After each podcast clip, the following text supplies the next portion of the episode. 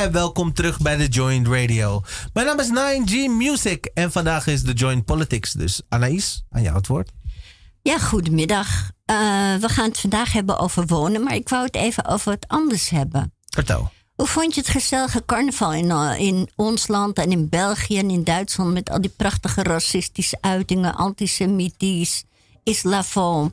Nou ja, ik moet heel eerlijk zeggen dat het wel echt een oer-Nederlands feestje wat dat te gaat was. Ik vond het echt heel erg. En ik vond het schande en ik schaam me als Nederlander dat dit gebeurd is. En dat men nog steeds blijft volhouden dat we op die manier grappen kunnen maken over elkaar.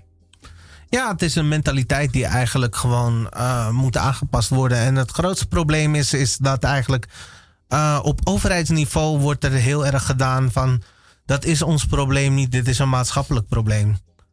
En dat, daar zit eigenlijk de kink in de kabel, vind ik heel erg. Jammer. Nou, en we gaan het ook niet over corona hebben, want we gaan het hebben over wonen. En dat is de kroon op het werk. Dus daar gaan we dan maar mee door.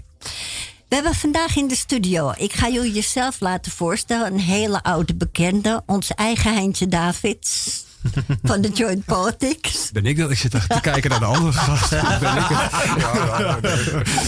uh, goeiedag, Erik Vlentge, fractievoorzitter SP Amsterdam. En gespecialiseerd in wonen. Onder andere in wonen, ja. En we hebben... Peter Commandeur. Ik uh, ben jurist, gespecialiseerd in, uh, in het huurrecht. En ik doe al zo'n 25 jaar een inloopspreekuur in een buurthuis in de Nieuwmarkt. Waar het redelijk druk altijd is. Um, en mensen dan met allerlei. En dan komen in principe huurders. Verhuurders eigenlijk niet. Het is bestemd voor huurders die uh, ja, allerlei kwesties met hun woning hebben. En dan juridische hulp daarvoor nou vragen. Dus we gaan het waarschijnlijk hebben over een hoop onderwerpen waar jullie al heel goed van op de hoogte zijn. Mag ik hoop, jou? Ik hoop veel van Peter te leren, want ik heb zoveel casussen lopen met huurders die in de penarie zitten. Kijk. Ik ben heel blij met dat Peter hier vandaag is. Want ik hoop, eh, of tijdens de uitzending, of misschien als straks wel ook na de uitzending, nog wel wat goede tips te krijgen. Want het gaat echt slecht hoor met sommige huurders. En, uh, ja. en de slechte positie die ze hebben is wel echt dramatisch. Ja. ja. ja. Trouwens, voor, voordat we rinkikken, eigenlijk misschien is het wel interessant uh, om te vertellen wat het inloopspreekuur via wat gaat dat? Hoe kunnen mensen terecht? We gaan het even drukker voor je maken. um, nou, het inloopspreekuur dat gaat via de Stichting Woon. Dus die, uh, die organiseren dat en ik ben daar als vrijwilliger. Hmm. Oké. En ik heb verder een juridisch adviesbureau. Dus als het uh, iets meer nodig is dan een advies, dan, uh, dan help ik de mensen daar verder ook bij. Ja. En dan kan dan vaak weer met subsidies van woon. Prima, dan gaan we nu omdopen van jurist in huurist. Is dat goed? Dat is goed. Oké, okay, laten we maar beginnen. we gaan beginnen met iets waar we net al even wat grapjes over gemaakt hebben. In het leidingwater van 14 basisscholen en 3 middelbare scholen zijn te hoge loodconcentraties aangetroffen. Hoe groot denken jullie is het werkelijke probleem hieromtrent en vinden jullie het een probleem? Mag, mag wie wil. Ja, ik, het, is een, ja het, is een probleem. Uh, ik denk ook dat wij de afgelopen jaren, beleidsmakers, maar ook verhuurders, het probleem onderschat hebben. Het komt eigenlijk een beetje bijna als een verrassing hè, voor veel beleidsmakers. Um, uh, veel uh, nou politici en, uh, en, verhuurders. Omdat men dacht dat het opgelost was. Vanaf de jaren 60 mag het niet meer, hè, lodenleiding. Mm -hmm. Dus alle nieuwbouw die is zonder lood gebouwd. en in de jaren 90 heeft men geprobeerd al die lode leidingen die er waren volledig te vervangen. Volledig. Nou zie je dat in een heleboel plekken dat nou, de boot gemist is. Ja, ja, toch nog zijn. Dat kan zijn, hè, soms omdat een individuele huurder geen zin had om dat pijpje in zijn de, de lode leiding te vervangen onder zijn onder zijn vloer bijvoorbeeld. Hè, van dan moet alles opengebroken worden. Er zijn soms mensen die dwars zijn gaan liggen 20 jaar, 30 jaar geleden. Dat kan. Maar je ziet ook echt dat hele complexe soms nog uh, lode leidingen hebben. Dat is ook gewoon nalatigheid van een verhuurder. Ik bedoel, kan je wel wat voorbeelden noemen uh, van verhuurders en ettenbakken die daar gewoon op geen enkele manier ook zin hadden om daarin te investeren. Vanwege het geld. Vanwege het geld, vanwege ja. de, de last, de overlast, het gedoe. Maar het geldt dus ook corporaties. Waarvan je dat zou verwachten dat ze dat iets uh, nou, beter hadden gecheckt en gecontroleerd. Maar uh, ja, er zijn nu 56 appartementencomplexen of zo complexen gevonden. Um, in ieder geval wat we nu bewust weten. Hè? En een aantal scholen en kinderdagverblijven dus, die, waar het speelt. Maar het kan best nog zijn dat het op meer plekken is. Ik verwacht dat wel hoor, dat het altijd eigenlijk getal iets hoger zit. Ja. Maar ik ben in ieder geval blij dat we dat nu weten en dat we er bovenop zitten. En dat we dus ook nu heel snel maatregelen kunnen nemen. Ehm, dan zitten we nog wel met het probleem dat een paar particuliere verhuurders, ik noem maar zo'n Rapango of zoiets, die moet je bij wijze van spreken echt aan het werk schoppen. En dat is wel heel irritant. Maar is het strafbaar? Nee, het is niet strafbaar om het te hebben. Nee. Maar het is verboden bij de wet en het is niet strafbaar. Ja. ja we dat snap ik niet. Nee, dat snap ik. Maar dat snap ik. Ik snap heel vaak dit soort ellende niet. Dat eh, datgene wat niet mag aan het aanleggen van nieuwe woningen, dan weer niet leidt tot een verplichting om het dan te vervangen voor de woningen waar het nog in zit. Ja, de dat is oude raar. woning. Ja. En dat zit, bij wijze van spreken zit daar een soort. eh, zit daar een soort is- het is heel duur om, tussen. om bestaande woningen, om, om daar de, de, de, de eisen voor nieuwbouwwoningen op toe te passen. Ja. Omdat dan die bestaande woningen heel veel omgegooid moet worden. Dat, Ja. dat, dat, dat is veel te duur. Ja. Maar goed, het is voor een politicus, vind ik, en voor, hè, want, want Peter heeft gelijk, ik denk dat dat een argument is. Maar het is Ja. natuurlijk nooit een reden om iets niet te doen. Nee. Voor een politicus niet en voor ons maatschappelijk niet. Hè. Dan, dan moeten we maar zoeken naar een manier om dat, eh, nou ja, wat voor manier dan ook te ondersteunen. Desnoods geef je even tijd aan de verhuren. Het moet even geregeld worden. Maar ja, gezondheid moet natuurlijk altijd nummer één Daarom. staan. Economisch belang mag toch nooit voorgaan op gezondheidsbelang? Neem ik aan. Nee, dat, in principe is dat zo. Ja, wat ik. Ik zie je lachen. Nou ja. ja. Nou ja, ik. Ja, het. Ik, ik vind het zijn allemaal belangenafwegingen. En, en, en, een paar weken geleden was er een man van een jaar of 70. Die ik ook wel een tijdje kende. Een beetje een moeizame relatie met zijn verhuurder had. Al een hoop gedoe gehad in het verleden. Een, tamelijk gestrest iemand. En er zat te veel lood in het drinkwater uit, het wasbak, uit een wasbak in de, in de douche. Ehm, moest ik daar, nou, verhuurder wilde er natuurlijk niks aan doen. Goed, dan kan ik daar een procedure over gaan beginnen bij de rechtbank. Ik riet het hem af. Ik, ik, ik wil dat best doen, maar hij is al zo gestrest.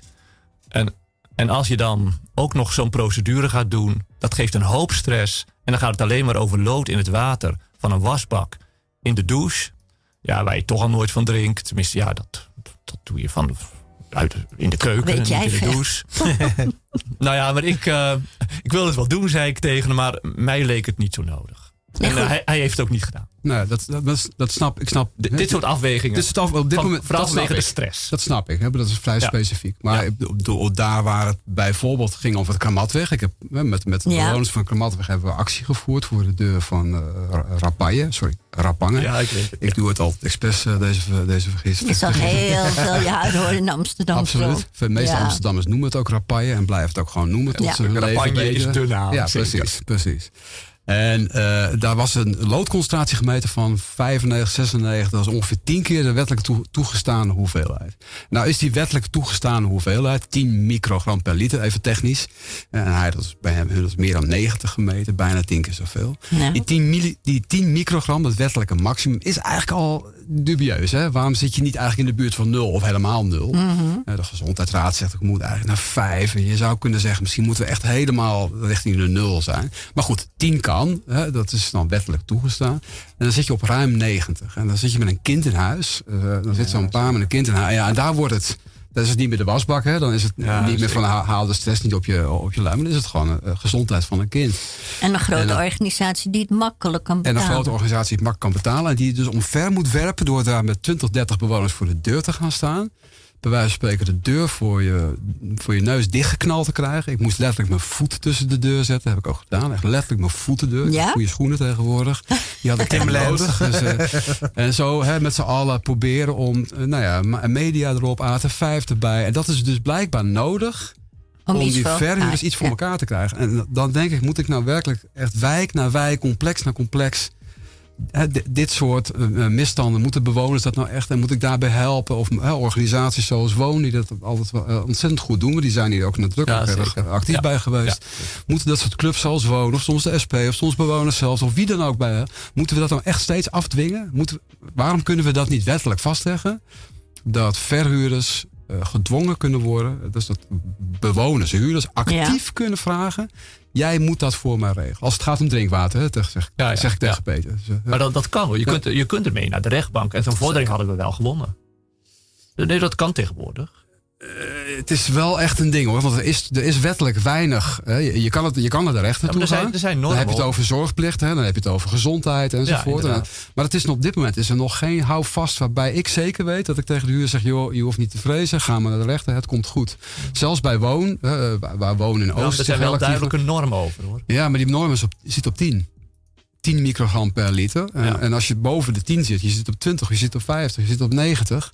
eh, dan zou je verwachten dat het direct leidt tot een, eh, tot een eh, afdwingbaar recht om het op te knappen. Ja. Maar er is dus geen zekerheid tot dusver. Dus we zoeken echt wat dat betreft een uitspraak, juridische uitspraak. Ja. Jurisprudentie om te zeggen, zie je wel. Nu allemaal dit. Ja, maar dat is het enige. want Volgens mij gaat het wel goed in procedure. Ik heb er wel vertrouwen. Ja, ja ik, ik, mijn ervaring is dat er nog gewoon nog te veel verhuurders lopen te klooien. Dus, eh, en, eh, en ik nog te veel strijd moet voeren. Dat is Ja, natuurlijk. dat- het, het is maar één geval. Hè. Dus wat, wat je verbetert, het recht is natuurlijk veel, veel en veel langzamer en trager dan de politiek. Ja. Of ten hoogste breng je voor één bewoner een verbetering van de situatie teweeg. Terwijl de politiek gaat het natuurlijk om ja, veel en veel meer mensen. Mhm, Dat is exact. veel efficiënter als het politiek geregeld zou kunnen Ja, worden. exact. Absoluut. Ja, maar ik ben natuurlijk al, en allereerst ben ik ik bedoel, de politiek. Ik ben, ik ben politicus omdat ik in de Amsterdamse gemeenteraad zit. Maar ik ben natuurlijk allereerst ook activist. En ik Ja. wil ook door middel van een grote strijd voeren, een keer voor de deur van Rapangen. Wil je dan ook proberen om het aan te kaarten, het probleem. En op een of andere manier het signaal af te geven. Hier moet een soort sterker recht zijn voor huurders om in dit soort gevallen. Waarbij het, eh, het gewoon zeker is. Dat we niet mensen zeg maar, met een kluitje in het riet gooien. Ga maar de rechter. Het komt wel eens goed, maar misschien niet. En we weten het niet helemaal zeker. Maar dat je het gewoon dat je het zeker weet. Dat mensen niet die angst is. hoeven te Juist. hebben. Ja. En dat het ook snel kan. En dat, dat daar rechten bij zitten. En dat je een, een duidelijke uitspraak hebt. In plaats van dat we nu zitten te wachten. Wat gaat de rechter doen? Hoe duidt hij het? Moeten we nog in hoger beroep? Al, al die juridische onzekerheid. Ja, die zou ik gewoon niet wensen. Ik zou wensen. Maar dat geldt trouwens voor huurderspositie in de algemeenheid. Hun positie is gewoon zwak. Is gewoon Altijd, niet altijd sterk. geweest ook eigenlijk. Ja, en uitgehold. eh, dat vind ik wel. Ja, de laatste jaren Ja, natuurlijk. Hè? Ja. Ja. Erg uitgehold. Ja. Goed, dan gaan we even, laten we het water even tot wat het is. En dan gaan we naar een ander probleem over. Erik is nogal bezig geweest met Martine en Norberto. Die wonen in de pijp en die wonen in een beschimmeld huis. Kan jij even in het kort het verhaal hierover vertellen? Ja, zij wonen al heel lang. eh, ik, ik heb een, eh trouwens, eh, eerder weer eerder toekomt. Is, eh, zij kwamen voort uit een onderzoek van de Bali en AT5. Die hebben huren met kuren een groot onderzoeksproject gestart. En toen kwamen onder andere Martine en Norbert kwamen eruit. Eh, een Portugese man, Nederlandse vrouw. Slecht huis. De verhuurder heet Adelbrecht, ook zo'n fijne jongen. Ehm, en die lo- leven in een huis met enorm veel schimmel. Enorm veel schimmel. Nou, als je die foto's ziet, het is een zwart geblakerde schimmelmuur. Ja, ik heb ze Niet gezien. normaal. Ja. Niet normaal. En eh, vervolgens eh, nou, hebben ze een rechtszaak aangespannen. Dat moest worden opgeknapt. Nu heeft de verhuurder het pandje, het appartementje next door. Dus in dezelfde trappenhuis gezegd. Mhm. Ga daar maar even zitten, gaan wij dat opknappen. En eigenlijk wat ze doen is gewoon een spulletje erop smeren. Vervolgens er overheen verven.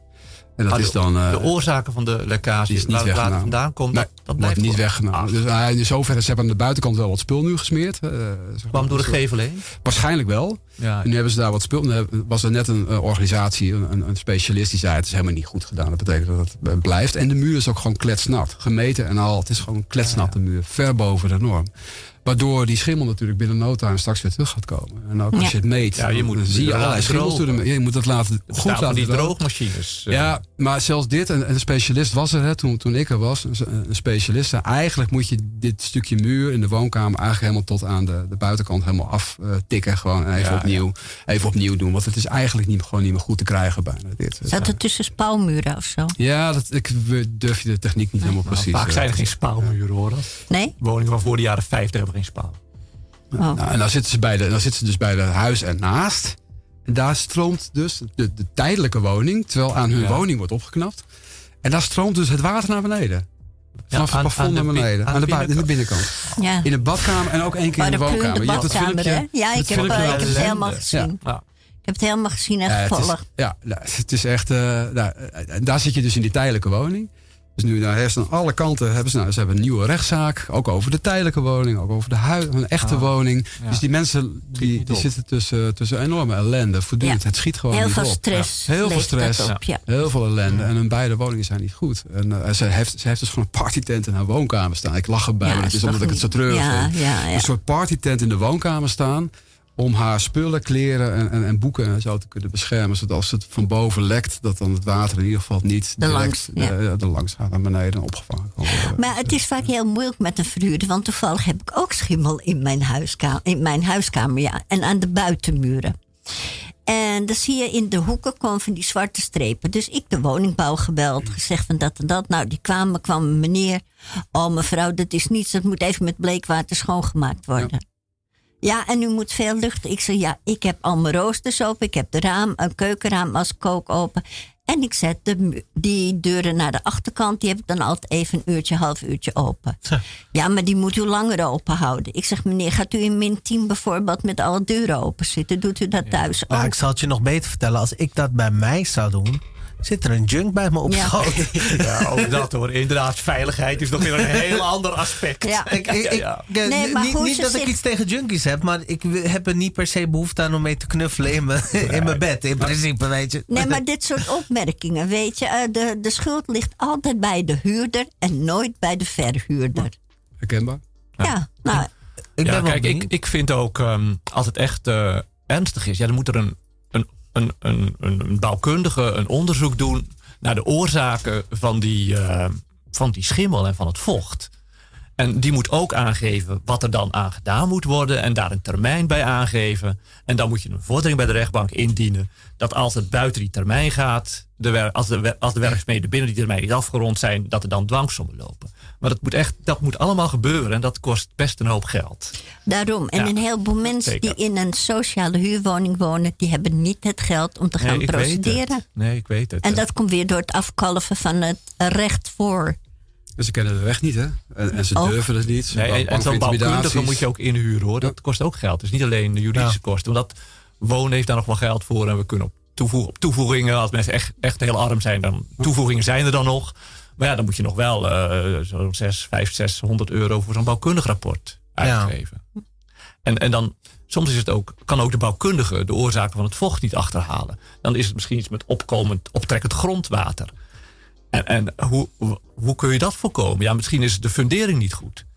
Maar ja, dat, dat is niet te, te vorderen, want dat, dat duurt dermate eindeloos. Je kunt geen termijnen geven. Nee. Het, dan, het recht is dan, dat, dat zou het overvraging van het recht zijn. Ja, het recht is dus daarmee eh, niet altijd het sterkste middel voor een huurder. Nee, We hebben wel de huurcommissie, hè? dat is ook een soort rechtbankje zou je kunnen zeggen. Nee, ga je, dat is natuurlijk een andere, een andere Ja, optie, huurverlaging. Ja, krijg je huurverlaging. Maar ja, dan- daarmee mee- doe je, da- dat levert Exact. geen verplichting op voor de verhuurder om de gebreken te herstellen. Zie Daarom. daar het probleem. Ja. Zie daar het probleem. Ja. We hebben, de SP heeft in de Tweede Kamer dat regelmatig voorgesteld. hè. Gewoon, gewoon op het moment dat de huurcommissie zegt waar jij heen gaat.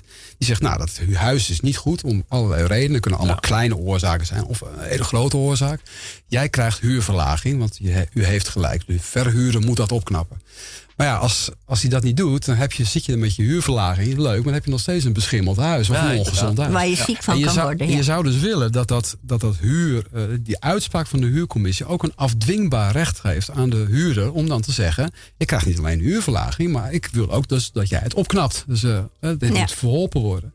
En dat kan dus niet. Dat afdwingbare recht, dat, krijgen we gewoon niet voor elkaar in de Kamer. Moeilijk. Om, en dat is, dat, dus ik word daar soms wanhopig van. Dan denk ik, hoe bestaat het dat we zoiets simpels, Ja, maar dat we dat simpel. niet kunnen regelen? Het is Dus, niet eh, simpel hoor. ik zou, ik zou denken, het van is simpel. vochtoverlast Nee, maar dat is iets anders. kunnen soms simpel zijn, maar heel vaak ook niet. Nee, maar ik zeg, ik zeg het af- afdwingbare recht voor huurders, dat is een relatief simpele wettelijke ingreep.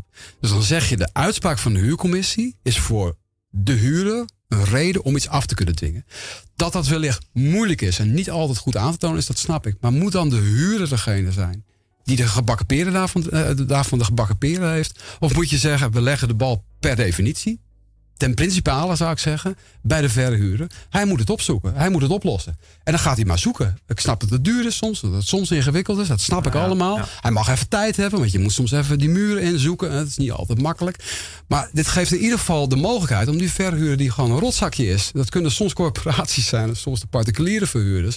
Die gewoon dikke lak hebben aan de verhuurder. Zet het raampje maar open, mevrouw. Hè. Je, je zegt het precies. Nou ja, Om, om, je, je wil iets kunnen afdwingen. Je wil die huurder in, in positie brengen om na een uitspraak van de huurcommissie ook dat de huurder kan zeggen. En nou mag ik het afdwingen. Maak die positie van de huurder sterk. maar je moet, ook, je moet ook heel eerlijk zijn. Als jij in Amsterdam verhuurder bent, dan heb je toch niet veel geld. niemand wil wat voor een huis hier in Amsterdam betalen of Nou, zo, weet je. Dit is de stijlvorm waar we het over hadden. Ja, precies. sarcasme, dit is sarcasme. Nou ja, we kunnen wel kort zeggen, sorry, dit, dit bedoel ik niet sarcastisch, het is de schuld van het kapitaal.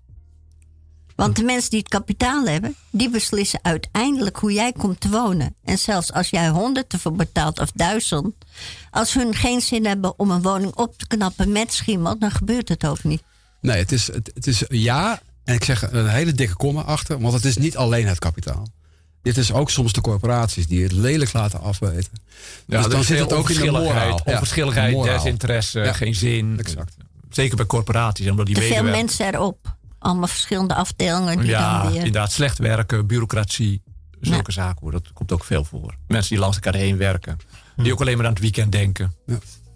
zitten overal, hè, dit soort. Nou, of, of, of, of als, als ik het in mijn termen giet, hè, Peter zegt het bijna nog netjes. Ik ben het trouwens volledig met je eens. Dus, eh, maar hij zegt het nog bijna netjes. Maar ik denk soms wel eens dat het de trots is over hoe wij omgaan met onze volkshuisvesting. Ook bij de corporaties. Eh, het, eh, het, niet het idee altijd er is. Dit is onze trotse, mooie volkshuisvesting. Onze woning, onze volksvoorraad, volkshuisvestingvoorraad. En daar gaan we hard mee aan de slag. Die houden we, die houden we up-to-date, die houden we goed. We controleren dat, we renoveren als het nodig is. We doen de reparaties als het nodig is. Het gaat ook om het trots. Dat je, dat je verbonden bent met de re- reden waarom je ooit opgericht was. En dat waren toch uiteindelijk de huurders die de dubbeltjes en de kwartjes bij elkaar legden. Hè, om, die, Ja. om die woningen te maken. Ja. En, en die woningbouwverenigingen zijn daarvan wel de erfopvolgers. En moeten die trots weer terugheffen. Ja, maar het zijn corporaties Een beetje grote geworden. woorden, maar ik vind het, Het wel belangrijk. Ja, het zijn stichtingen. Ja, het zijn geen verenigingen meer. Nee. Treurig Exact. als het is. Exact. Je weet dat vorige week dat er een verjaring was hè, van de eerste o- o- vereniging, woningbouwvereniging. Dat opgericht was toen. Een, een wat voor ja? Ja, een, eh, hoe noem je dat? De verjaardag. Dus dat eh zoveel jaar woningbouwvereniging. Oh, right. Was het verleden waren, week, het ja. waren geweldige instellingen. waren heel goed. Waren voor de volksgezondheid en Ja, alles was het natuurlijk. Hè? En verenigingen, dat is de essentie. hè. Het is hyper, een hypermodern idee. Het is niet het teruggrijpen naar iets wat was. We hebben het afgebroken. We hebben er stichtingen van gemaakt. waardoor een paar in de mensen... jaren die 90 is het allemaal, allemaal Afgebroken. eh, verdwenen. Ja. Het is ontzettend modern als je juist hè, deze tijd verenigingen van maakt. Mensen inspraak Mensen hebben. Dat mensen kunnen Ja. aansturen. Dat mensen kunnen beter. Ja. corrigeren. Dat was veel Ja. beter vroeger. Voor, hè. Dat is een modern idee. Wat we weggehaald hebben, ik weet niet waarom, vanuit conservatieve politieke redenen. Privatisering, Privatisering, allemaal conservatief geneuzel. Nou. We moeten terug naar moderne, no- nieuwe ideeën. Waarbij de huurders weer eh, in de vereniging eh, nou, de, de zeggenschap eh, terugkrijgen. En de, en de baas ook degene is die dat uitvoerend is. En daar een belangrijke positie heeft. Maar ook uitvoerend is naar de wens van, van het gros van de huurders. Dus, dat zou moeten zijn. Dus, En toch was de kraakbeweging daar ook wel heel erg leuk in. Want die knapte oude woningen op. Die nu Ja, voor dik geld weggaan in de buurt in Amsterdam. Inderdaad, als de gemeente al die woningen zou hebben gehouden en nu zou hebben verkocht, had ze toch een hoop geld kunnen verdienen. Nou, Nou, en dat is ook iets. Woningbouwcorporaties moeten niet meer verkopen, vind ik, op het moment. Nee, eens. nee, maar ik vind die hele corporaties. Wel? Ze, Eens? Nee, niet te Nee? veel. er zijn zoveel, ze, gaan, ze worden in zo sterke mate gewoon onroerend goed. Managers, ja. Managers. Door zoveel woningen, zoveel woningen worden voor 1000, 2000 euro een maand in de verhuur gedaan. Ja. Er, er zijn. Zo, en- 2000 euro voor een Oh ja, klein ze- hockey. Nou, dat is echt Nou. niet normaal. En, en, als, en als er dan sociaal verhuurd wordt, ja, dan is het altijd 600, 700 euro in de maand. Ja. Ja, En ja, dat, dat vind ik nou ook niet zo heel erg sociaal. Hoor. Ik, ik bedoel, als je van een uitkering rond moet komen, is het meer dan de helft. Zeker. En dan krijg je wel huursubsidie, maar je moet nog die andere helft op zien te brengen. Ja, ja inderdaad. En dan En- heb je ook nog je kosten als elektra, gas, Nee, eh, ook dat water. hoor. En, en ja, ik, ik, nee, ik vind het allemaal eh, ja, treurig. Het is niet beter Ja. op geworden in Nee. ieder geval. Nee, ik vind een van de grote, een van de grootste eh, teleurstellingen, of een van de grootste, een van de meest treurige ontwikkelingen van mijn carrière is de, het volstrekte teloorgaan van het huurprijsrecht. Mm. Het hele huurprijsrecht is, is min of meer verdwenen. Kan je dat even uitleggen voor de luisteraars, huurprijsrecht? Dus het huurprijsrecht, eh, vroeger hadden we de, de huurcommissie. En de huurcommissie kon, da- daar kon je heen als je van mening was dat je te veel huur betaalde in, ver- in verband met de kwaliteit van de woning. Ehm, eh, dus, en dan kon de huurcommissie een huurverlaging uitspreken, omdat die kwaliteit van de woning, die, ja, die moest nu eenmaal gewaardeerd worden met een lagere huur. Ehm, in de afgelopen 20 jaar is dit stelselmatig afgebroken. Met name door de, de invoering van in 2015 van de WOZ-waarde in de, in de puntentelling. En vervolgens heeft de gemeente die WOZ elk jaar gewoon blindelings op elke woning 50.000 uh, bijgeteld. Dus nu, kijk, als een woning 142 punten telt, is die geliberaliseerd. Um, op het moment, dankzij de invoering van de WOZ-waarde, die, uh, Markt, marktwaarde die 90, 100 punten over het algemeen al is bij woningen. Op het moment zijn eigenlijk alle woningen die meer dan 20, 30 vierkante meter tellen in deze stad, hebben meer dan 142 punten en zijn daardoor wat punten betreft geliberaliseerd. En dat betekent dat iemand die. Zittende huurders blijven natuurlijk beschermd, maar nieuwe huurders, ja, als die, die kunnen geen huurverlaging meer aanvragen. Want uh, de woning telt meer dan 142 punten. De huurcommissie is niet bevoegd. Klaar. Dat is buitengewoon treurig. Terwijl voor 1 juli 1994 was de huurcommissie over 100% van de woningen in Amsterdam bevoegd. En uh, uh, 25 jaar later, ja, nou, dat is net mijn carrière, is de huurcommissie, nou ja, eigenlijk over nou, misschien een paar procent.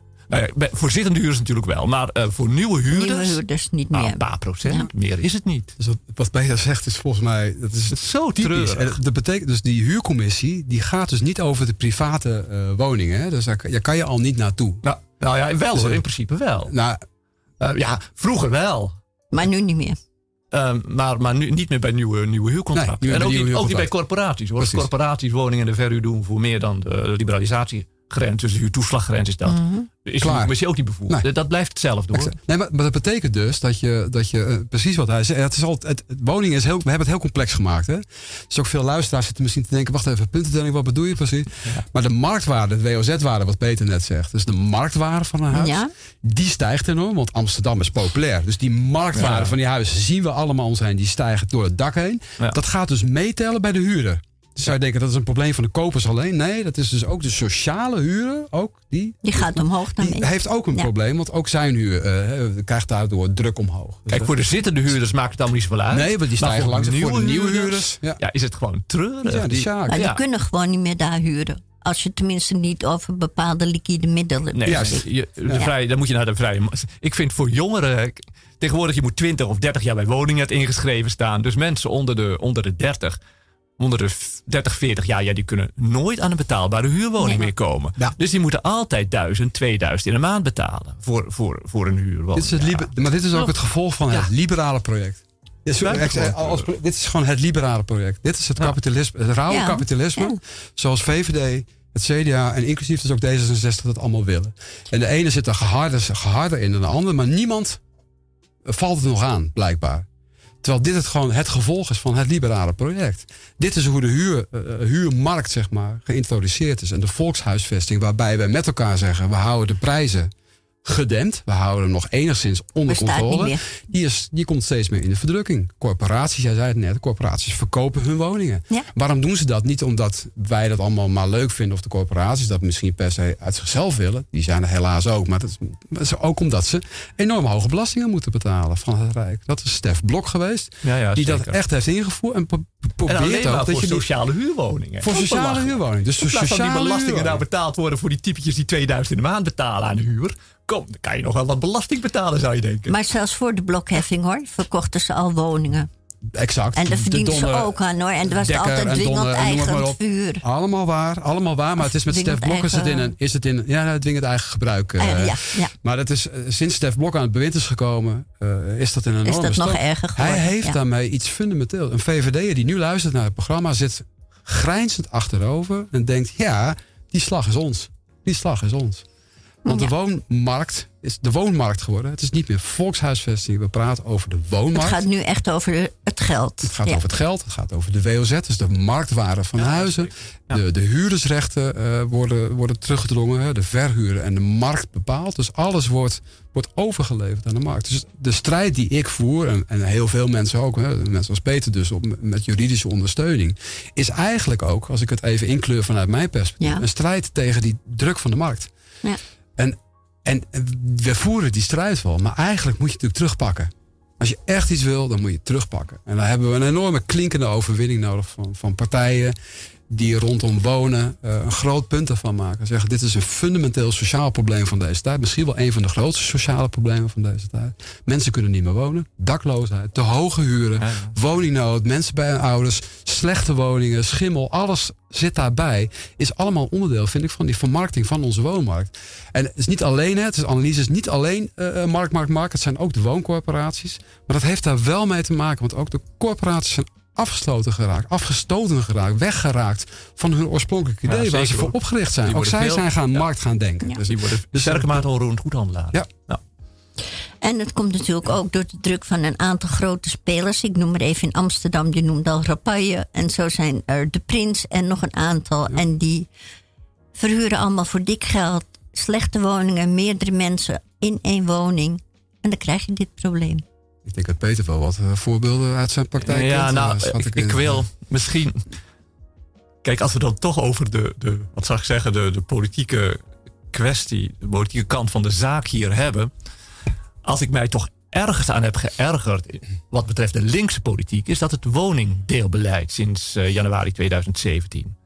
Um, sindsdien moet men namelijk voor uh, mensen die met twee of drie personen een woning delen, dus niet in een familierelatie, maar gewoon die met mhm. vrienden wonen, moet men een vergunning hebben. En um, die vergunning die is niet altijd te verkrijgen, er worden dan bij eisen gesteld. En zo dat, dat, dat spreekuur wat ik dan elke woensdag doe. Elke woensdag de afgelopen twee jaar zijn er dan van die jongeren op het spreekuur gekomen. Die uh, zitten dan met z'n drieën of vieren, vijven soms, in, in één woning, soms een grote woning. Uh, en dan gaat er natuurlijk weer zo'n jongen of meisje weg. En er komt dan weer een nieuwe. En die verhuurder wil dan op een gegeven moment niet meer. Want uh, uh, de gemeente doet moeilijk. En ze moeten eigenlijk maar weg. En dus wil hij geen toestemming geven voor een nieuwe huurder. En de resterende huurders kunnen natuurlijk de huur niet opbrengen. Dus ja, dan moeten ze wel weg. En uh, die, dus ja, die jongeren die staan op straat. Die staan op straat. En die verhuurder tegenwoordig, ach kom, uh, er zijn experts genoeg die uh, in hun eentje of met, met, met hun echtgenoot die 2000 kunnen opbrengen. En dat is in overeenstemming met de gemeentelijke lijn. ja, dus die jongeren raken hun woningen kwijt. Die ze toch al nauwelijks hadden, omdat je 30 jaar bij woningen hebt ingeschreven moet staan, wil je een sociale huurwoning kunnen krijgen. Maar ook die woningdeelconstructies raken ze nu kwijt. Nee, ik, ik heb inmiddels besloten, de volgende keer ga ik VVD stemmen. Als het over uh, de, de, de, gemeentelijke politiek gaat. Dat meen je toch ja, niet? dat meen ik Moeten wel. we nou nog op de ik vuist ook? Ik heb me daar zo aan geërgerd in de afgelopen jaren. Ja. Ik, een collega, of ja, een, een collega-advocaat die alleen maar verhuurders doet. Maar goed, ik kom bij de rechtbank wel tegen. En die, die zei, ja, Amsterdam maakt zich op voor brexit. Ja, natuurlijk. Al die rijke Engelsen moeten ook een huis hebben. Dus ja, mensen met weinig geld, zoals jongeren, ja, die moeten maar weg. Ja, nee, die conclusie lijkt me juist. Dat snap ik dan. en dan heb je niet zo. Volgens mij is dat niet zo. Ik ben het met, niet helemaal met Peter. Nee, ga er maar even tegenin dan. Nou ja, kijk, weet je, ik, ik denk, eh, eh, ook in dit geval, Peter verwijt, wijt het nu echt de gemeente. Ik zou denken, dat is toch te verhuren die hier wat te wijten valt. We moeten de bal denk ik wel leggen bij degene die hem die nee, de handschoen uh, moet oppakken. Maar, en de verhuurder is degene die hier doet alsof hij niet meer verder kan gaan met contracten voor woningen. Waardoor is die wet gekomen? Het is een, het is een, lokale regelgeving. Hè? Ja? Dat is een uh, huisvestings, uh, ja. huisvestingsverordening wat je doet. En je probeert balans te zoeken tussen de rechten van de individuele huurders. Uh, dat die individuele huurders nog op voldoende plekken in de stad met elkaar kunnen in, een huis kunnen wonen. Hè? Woningdelen heet dat dan. gewoon kamergewijze verhuur eigenlijk. Gewoon, mm. Dat je meerdere kamers hebt, gemeenschappelijke woonkamer. En je probeert tegelijkertijd te voorkomen dat de grote, het grote geld die op de markt uh, op de stad neerstrijkt, graag panden opkoopt, daar wat schotjes tussen zetten, uh, wat wasbakjes inbouwt. Vervolgens daar voor iedereen zegt, nou jullie allemaal 600 euro betalen en bij elkaar heb ik 24 of 2500 euro per maand. Per maand. Dat wil je tegenhouden. Dat is het buy to let, het, het opkopen om ja. duur te verhuren. En die twee uh, uitersten, het voldoende zorgen dat er nog voldoende jongeren kunnen woning delen, een kamertje kunnen huren in een gezamenlijk plan. En tegelijkertijd voorkomen dat het grote geld niet zeg maar die hele stad opkoopt en het allemaal verkamert of aan expats verhuurt, hè, die, die mhm. veel meer geld hebben vanuit, vanuit met belastingvoordelen. Ook veel meer gewend zijn uh, hoge huren te En de bedrijven betalen vaak ja, voor hun. En bedrijven betalen vaak voor hun. Dus je probeert die balans tussen die twee te zoeken. Ja. Dus, uh, en natuurlijk is daarop af te dingen. Ik snap best, hè, daar is altijd, ja, zeker, uh, als je balans zoekt, is, er altijd, is er altijd ergens iets wat je. Nou, ik zou meer dat zo je dat. Dus Zeker. Dan, kan de zelfs geen vergunning meer aanvragen. Ja, dan moeten die jongeren weg hoor.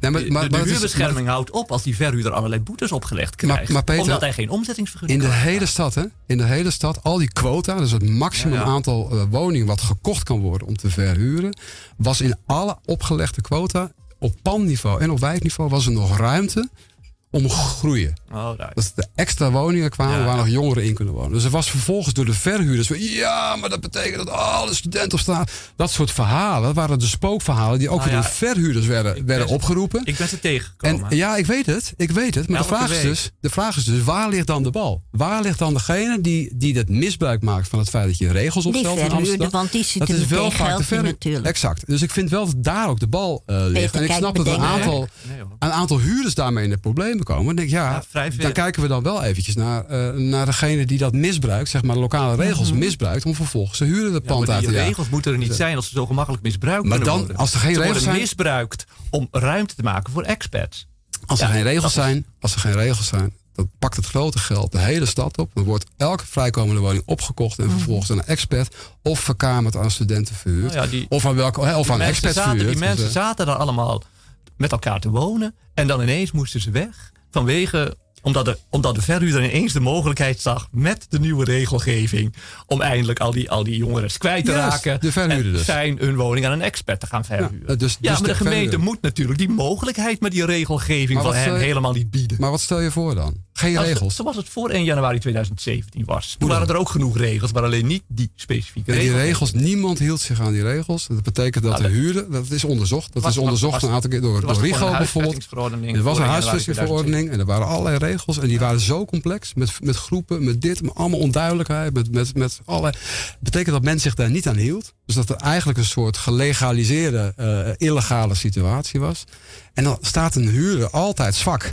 Ik heb liever dat de huurder sterk staat nu. Eh, dat hij wat regels heeft. En daar valt best op af te dingen. Daar, ben ik, daar kan ik zo met je mee. In plaats van dat die volledig, die regels zo complex, onduidelijk zijn, niet gehandhaafd kunnen worden bijna. En dat maar daarmee de huurder bij wijze van spreken de klos is. Omdat hij bijna niks heeft om op te staan.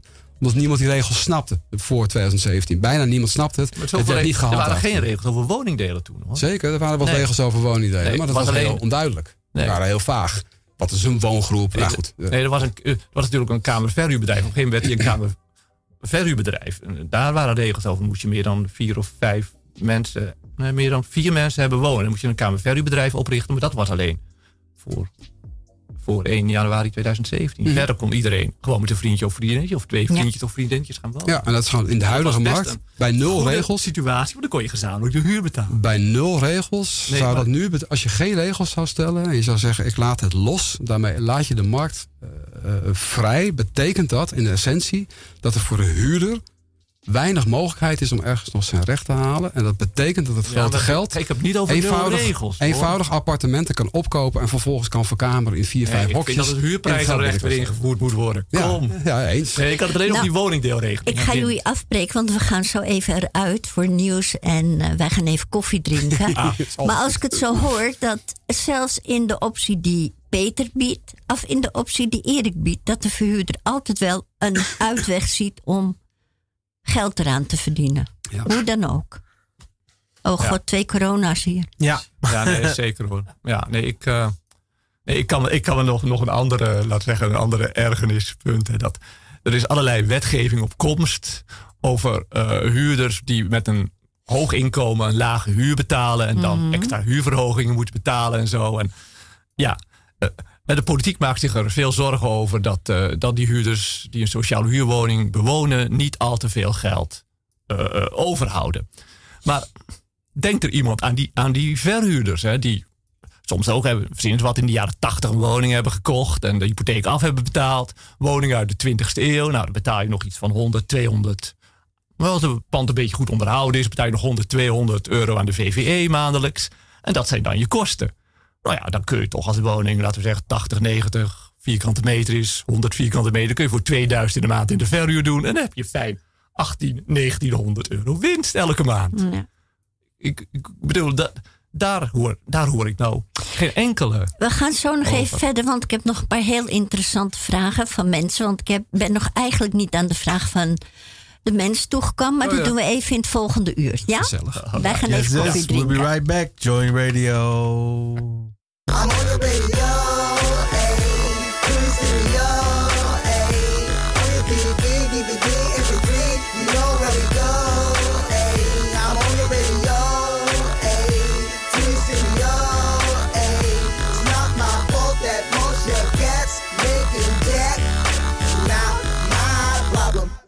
Yeah, yeah, yeah, yeah. Welkom terug bij de Joint Radio. Mijn naam is 9G Music en het is een Joint Politics, dus Anaïs aan jou het woord. Ja, even een weetje. De gemiddelde woningwaarde in Amsterdam op het moment is 484.995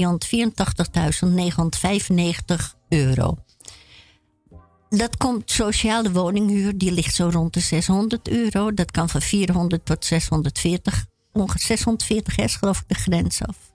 Nou, 730. Oh, 730 zijn. En uh, in de vrije sector verhuurt men voor makkelijk 2000 euro. Goed, ik ga even wat 4200 kwam ik laatst tegen. 4200? Ja. Zeker een tuin erbij en een dakterras uh, en heel riant. een terras, maar geen tuin. En niet eens aan de gracht. Jezus. Nou ja. En veel oppervlakken ook niet. Nou, wel betrekkelijk groot, maar 120, 130 denk ik. Maar ja, dan 4200 is nog wel. Uh... Ja, ja. Goh, je moet het maar op kunnen hoesten, hè? Ja, inderdaad. inderdaad. Ja. Goed, ik heb uh, een vraag van Peter. In 2019 kan het? Hier Ja. zitten we er al in. Ja, Ja. niet helemaal. Ik, ik, een beetje. Bob Fosco is overleden. dat is net het nieuws.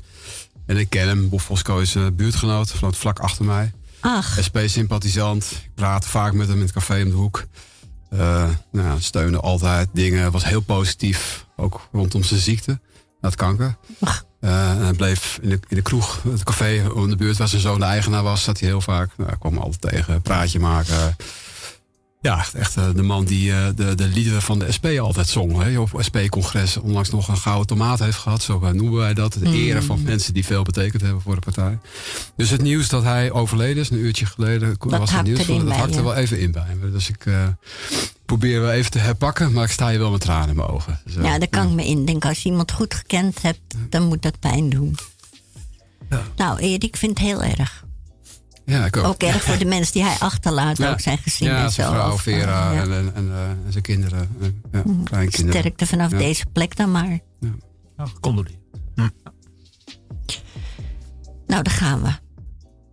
Peter, niet deze Peter, maar Peter stelt mij een vraag. In 2019 heeft mijn dochter acht maanden illegaal in Amsterdam gewoond om stage te kunnen doen. Zij betaalde 650 euro voor een gedeelde flat met drie personen. Dat hield in 1950 euro samen. Dat is dus wat de verhuurder beurde. Zij heeft zich niet ingeschreven in Amsterdam. Waarom? Amsterdam vroeg een huurcontract. Wat wilde Amsterdam daarmee bereiken? Mijn dochter woont nu een tijdje in Breda, keurig ingeschreven, gemeente vroeg niets. Nu woont ze in Arnhem, keurig ingeschreven, gemeente vraagt niets. Tijdens haar wonen in Amsterdam woonde ze officieel bij mij. Mijn gemeente vroeg niets. Waarom stelt Amsterdam die eis? We moeten, Ja, ga je gang. ik die vraag Pak hem. beantwoorden? Ja, ik, eh, ik vind het helemaal niet nodig dat mensen nou een huurcontract laten zien aan een, een ambtenaar van de burgerlijke stand voordat het- deze ambtenaar bereid is om hen in te schrijven. Ehm, zeker omdat er ook mondelinge huurovereenkomsten bestaan. Tenminste, ja, niet zoveel meer. Vroeger waren die betrekkelijk algemeen, maar eh, enkele keer kom je het nog wel eens tegen.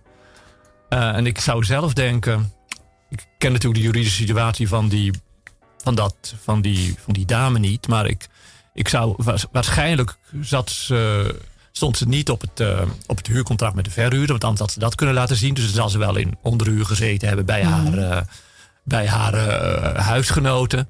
Nou, dan moet ze gewoon, had ze gewoon een huurcontract moeten downloaden van het internet. En daar eh, de handtekeningen op moeten zetten. En daarmee naar de gemeente gaan. Nou ja, dan had die gemeente hier wel ingeschreven. Ja, ik, op een gegeven moment moet je dit soort dingen gewoon gaan verzinnen. Dus je moet een trucje weten. Maar ja, een mondeling is altijd een mondelinge huurovereenkomst met, met haar huisgenoten. Nou, dan zet je dat op papier. Zoiets zou ik dan Een toestemmingsverklaring, of toestemmingsverklaring volgens mij van de hoofdhuurder had ze het wel mee kunnen doen, denk ik hoor. Dus, eh, Oké.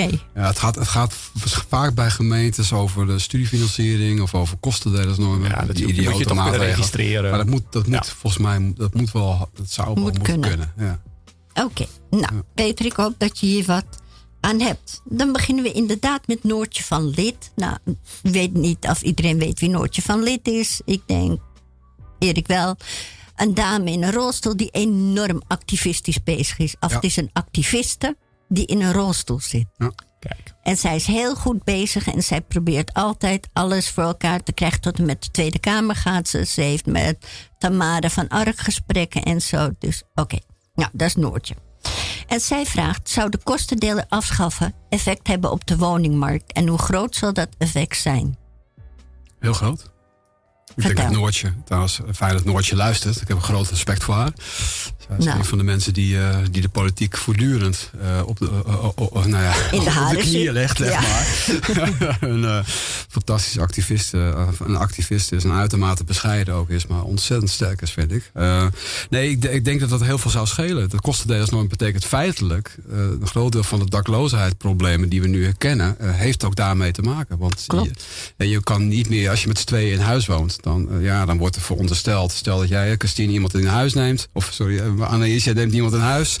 Ehm, en iemand woont bij jou, die, blijft daar, die verblijft daar. Dan wordt nu door, door de regering eigenlijk gezegd: ja, dan kan je het goedkoper af. En daarmee Ja. kan je dus gekort worden op eventuele uitkeringen die je hebt. Ja, dat betekent dat mensen denken: nou, dan ga ik dus maar niet meer liever mensen in mijn huis nemen. Dat is Exact. exact, wat er gebeurt. En al, al was het al alleen maar vanuit de angst dat ze het niet doen, maar ook gewoon daadwerkelijk worden er soms jongeren zelfs uitgeschreven, eh, concreet. Dus, eh, Ja. dus Ja, ja. gezinnen eigenlijk zegt tegen de jongeren: ja, liever niet dat je ingeschreven staat, want dat betekent dat ik als ouder gekort word op mijn uitkering of mogelijk Ja, gekort inderdaad. word. Ja, dat is een groot maatschappelijk sociaal probleem. Typisch een probleem van dit kabinet, helaas, vind ik. Dus, eh, Ja, eh, zeker maar dat weten. zou, als we dat kunnen afschaffen, die kostendelersnormen, we daarvan af zouden kunnen, dat zou qua het oplossen van de problematiek rondom daklozen, dat een enorme stap vooruit zijn. Dan zijn we er nog niet, dan zijn er nog niet genoeg woningen, maar het zou een enorme stap vooruit zijn. Dus, ja. ja. Nou, En ik, een iets relaxtere omgang met het, eh, de onderhuur van een kamer zou er ook erg bij helpen. Zeker. Hoor. Want eh, Ja. los van die kostendelersnorm, als zo'n corporatie erachter komt dat je een kamer eh, in de onderhuur hebt gegeven aan een voormalige dakloze, dan heb je grote problemen ja. En dat. Er zijn, eh, ik, ik heb, ik, laatst heb ik een, een, een voorstel ingediend in de gemeenteraad met een heleboel voorstellen. Onder andere dit, want je hebt van die ja. projecten in Amsterdam, dat heet Onder de Pannen. Waarin eh, zichtbaar is dat je als huurder gewoon eh, eh, mensen in je huis zou moeten kunnen hebben. Mhm. Zonder dat het leidt tot kortingen op je, op je, op je uitkering. Of maar ook voor sociaal. Of vereniging van je huurcontract. ja. Maar ook gewoon voor sociale huurders. Dat ze zeggen, ja, ik heb best. Mijn huisje is eigenlijk net iets te groot voor mij alleen. Of met z'n tweeën. We hebben eigenlijk je lost een maatschappelijk probleem Je kan een maatschappelijk probleem Ja. oplossen. En ik wil graag daar ook wel wat ruimte, zou ik daar echt wel wat ruimte op willen hebben. Want ik denk dat veel mensen, zeker bijvoorbeeld economisch daklozen, die tijdelijk even in de piepzak zitten, zijn een baan kwijtgeraakt, Ja. zijn gescheiden. Ja. Zouden heel fijn vinden als ze even een plekje hebben waar ze eventjes met een bankje en een bedje en een, en een tafeltje even tot rust kunnen Ja. komen. En dan redden ze zich vaak wel zelf. Maar ze komen vaak van de regen en de drup, omdat ze vaak geen plek hebben. En dan, Mhm. dan wordt het overleven op straat opeens. En dan, dan zie je dat mensen opeens in de- eh, heel erg in de problemen gaan komen. Terwijl het goed oplosbaar is voor veel mensen. Als ze even tijdelijk een plekje hebben. Al is het maar een half jaar, misschien een jaartje. Eventjes ergens onderdak hebben om even rust en kunnen zoeken Ja. naar een eigen. Ja. Wij hebben het gezien hè, vanuit het jeugdcentrum hoe jongelui uit het huis gezet werden, of althans uit huis gezet. Ja. Dat met ouders besloten werd dat het beter was dat. Maar dan hebben ze geen plek. Dus ze gaan Nou zetten die ouders hun kinderen gewoon op straat. Ja. Nou, dan moet je niet zo makkelijk zeggen: zetten die ouders de Ja, kinderen op straat. het. Ja, maar het klinkt zo, maar het klinkt hard. Maar het is wel zo. En waarom? Omdat ze anders vreselijk gekort worden. Kijk, deze regering die heeft wel gekeken van... ja, je woont met z'n drie in één huis. Maar die vergeten dat je dan ook wel weer drie of vier of vijf maal ziektekostenverzekering te betalen hebt. Je elektra-rekening gaat omhoog. Je gas, je watergebruik, alles gaat omhoog. Maar stel, maar stel nou dat je niet, misschien niet eens concreet op straat wordt gezet. Maar formeel, officieel ben je niet meer ingeschreven in die Mhm. woning. Omdat ze bang zijn dat ze hun uitkering gekort krijgen. Ja, ja. Dan heeft die jongere dus een probleem. Ja. Met zijn ziektekosten, met een uitkering, met het tuurlijk, aanvragen van, hè, van allerlei. Ja. Dus kortom, alleen al, al zou die daar nog voor, normaal Je gewoon blijven wonen, heb je geen formeel adres meer. Ja. Dan moet hij dus op zoek naar een briefadres, heet het dan. Hè, een soort, nou, dat is niet altijd makkelijk om die te krijgen. Dan krijg je heel veel gedoe, ingewikkeldheid, regels, eh, toestand. En dat leidt inderdaad, ja, eh, het is de praktijk, tot heel veel eh, Tot grote ellende, problemen, grote problemen. En dat zijn niet vaak de, de gezinnen die veel kunnen dragen. Mensen die al heel veel Economisch zwakker. Nee, dat is duidelijk, ellende vaak op elkaar eh, zit. En met armoede en op. Ja. We zijn terug in het tweede uur van de Joint Politics over wonen en alle problematiek daaromheen. En we zijn hier vandaag met Erik Vlentge van de SP, die in mijn ogen, na Jan Schever, de volgende persoon is die het woonbeleid heeft opgepakt en vecht voor de mensen die problemen hebben. En met Peter Commandeur van de Stichting Woon een vereniging of een stichting? Wat zijn jullie? Nou, ik ben niet van de stichting wonen. Ik, eh, Nee. ik ben alleen maar vrijwilliger. Nou ja, kijk, dan ben je iemand die meedoet aan het opbouwend werk van de stichting. Toch? Ja, alright, maar het is een wat groot woord. Niet zo bescheiden. Ik vind van wel. Die heel vaak mensen helpen en die er zijn voor mensen. En zoals je hoort, hij is vrijwilliger, mensen met een spreekuur. Deze twee mensen hebben wij vandaag in de studio. Zo, wou ik even zeggen. Goed, Vind dan ik wel, hadden eh, wel een mega compliment. Ik, ik wil mij niet in de, in de schaduw van Jan Sever eh, stellen. Maar, eh, Nou, eh, Ja, weet je wat? We, we zetten je niet in de schaduw, we zetten je in het zonnetje. ja. maar dan heb ik ook weer iemand die zegt: als alleen de kostendelennorm afgeschaft wordt, is het probleem niet opgelost. Nee. De kostendelennorm en de toets verzamelinkomen zijn twee verschillende regelingen met verschillende leeftijden. Als je nou bijvoorbeeld de toets verzamelinkomen, dat heeft ook invloed op je huur. Nou, ga. Nou ja, zeker. Natuurlijk, je kunt. Er zijn allerlei normen over het huishoud. Het gaat over het huishoudinkomen. En de, eh, zeker als je een woning wilt aannemen, dan, dan is het huishoudinkomen bepalend voor de, de, de huur die je geacht wordt te betalen. En eh, ja, dat huishoudinkomen, dat zijn eh, alle personen die. In dat huishouden. Ja, inderdaad, niet van één persoon. Ja. Maar het is toch oneerlijk, want als jij een eigen huis koopt, hè, je, hebt een, je bent de huiseigenaar, Ja. dan kan je er van mijn part, of van mijn part, wat de wetgeving met tien mensen wonen. En dan is er nog niemand die er wat over zegt. Nee, zeker hoor, zeker. Nee, ik, ehm, ik vind ook helemaal niet dat, ehm, dat de normen over inkomens en huren die daarmee gepaard horen, zouden moeten gaan, zo, zo nauw met elkaar verbonden moeten zijn. Zeker, zeker de stelling dat, dat huurders te veel verdienen en daardoor voor een bepaalde huur niet meer in aanmerking komen. Nee, dat, dat vind ik niet zo erg nodig. Nee, dat mag eraf. Ja, Wat jou betreft ook, Erik. Ja, maar eh, ja, en ik, het grote probleem rondom dakloosheid. eh, ondanks al dit soort knoppen waar je kan draaien, kosten dat is nog een verzamelinkomen. Dat kan je allemaal veel een betere manier en rustiger regelen, zodat het voor mensen toegankelijker wordt en blijft. Maar de essentie zit volgens mij wel in eh, de hoeveelheid sociale huurwoningen. Of betaalbare woningen. Kan soms ook een middenhuurwoning zijn. Hè? Of goedkope koopwoningen. Maar die bestaan bijna niet meer in Amsterdam. Die zijn Amsterdam. totaal, Dat is- totaal middenhuur is ook verdampt. 1000, 1500 hoor. Daarom dat is tot 1000 euro. Hè? Tussen de Ja, zeven maar- middenhuur is tot 700 tot, van 700 tot zeg geloof ik 1000 euro. Maar het is natuurlijk ook gigantisch veel. nou- Die zijn er ook te weinig. Ja. Dus hier, de essentie zit in het, de hoeveelheid betaalbare woning. En de essentie zit in grote bezuinigingsslagen, bijvoorbeeld bij de GGZ. Waardoor veel te snel mensen ook op straat worden gekieperd. Nou ja. Niet eh, eh, op de plek terechtkomen waar ze eventjes tijdelijk, eh, waar ze wat voldoende begeleiding kunnen krijgen. Trouwens ook mensen richting begeleid wonen. De begeleiding is vaak onvoldoende. Aan alle kanten, echt aan alle kanten klinken alarmsignalen, alarmsignalen. En ik vind onbestaanbaar dat daar niet een soort deltaplan eh, tegenover wordt gesteld. Hoe gaan wij onze enorme wooncrisis, en als daklozen, dat is een van de grote problemen daarbij. Ja, zeker hoor. Dat we dat niet Ja. oppakken. Ik vind het onbestaanbaar. Ik vind het onbestaanbaar. En ik, soms knap ik bijna uit elkaar aan iets van woede. Over het feit dat er zo weinig gebeurt. En, eh, Nee, ik, ik en, was- en ik, ik, ik doe, we doen ons uiterste best hier in Amsterdam. En ik wil er nog graag nog een paar graadjes bij doen. Op een gegeven moment lopen wij ook aan tegen de grenzen van wat ik nog mag, wettelijk. En wat Ja, we nog mogen, wat nog kan. Wat nog kan. Hoe rek je En het ik- nog op hoe, hoe kan je nog, en moet je er net overheen? Ja, dan krijg je gelijk weer juridische Mhm. toestand en zo. Hè. Dat is ook niet sterk. Dat kan je ook niet zomaar doen. Maar graag, hè, als het even kan, dan- dan duik ik over de wet heen. Maar ik vind het onbestaanbaar dat we niet de wetten zo inrichten... dat we de problemen echt daadwerkelijk eh, te lijf gaan. Ik vind het echt een groot maatschappelijke misstand. ja, ik- Nog, Ja. even nog als, als, als aanvulling. Hè.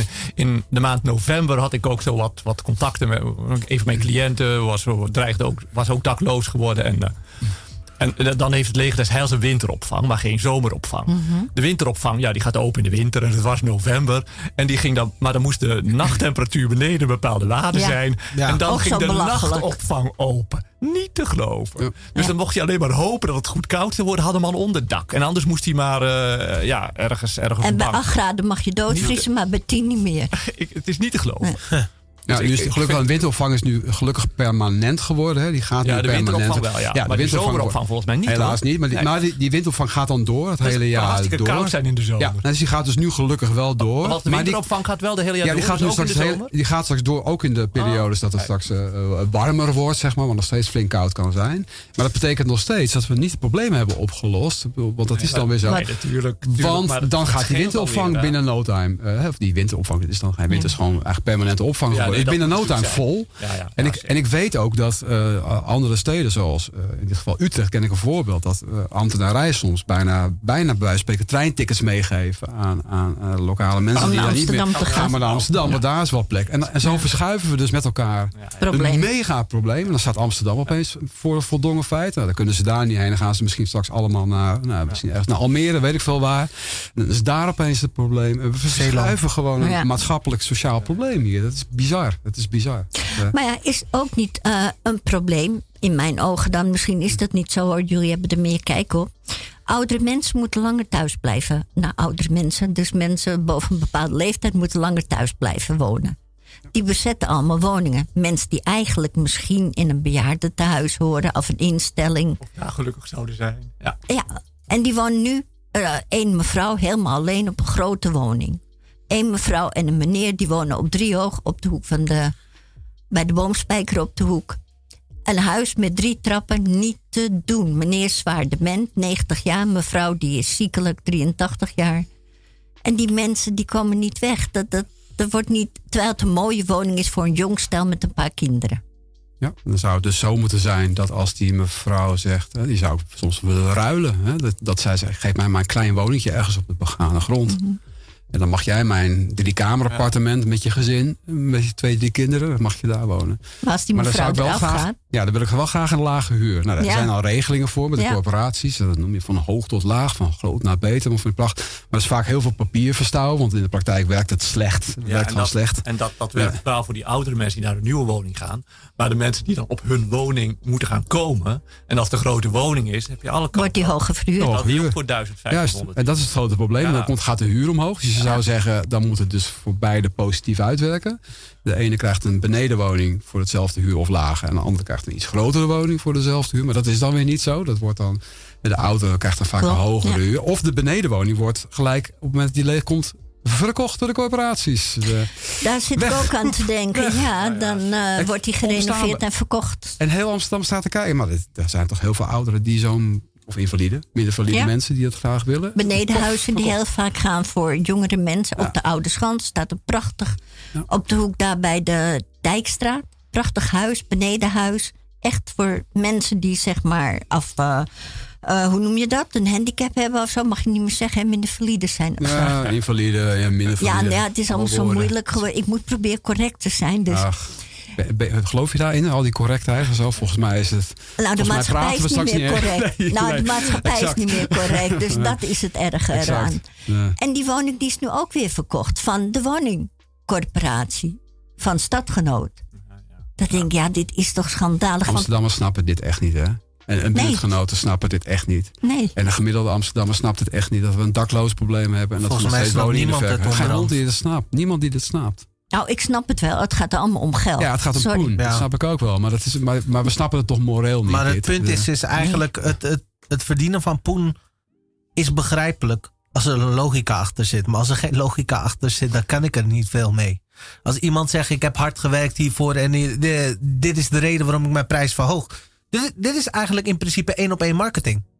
Want ik zet, eh, zet deze prijs, want deze arbeid gaat erin. En eh, deze kwaliteit. Dit is het unieke wat ik aanbied. Echter, nu zie je heel vaak dat er dingen worden in de verkoop gedaan.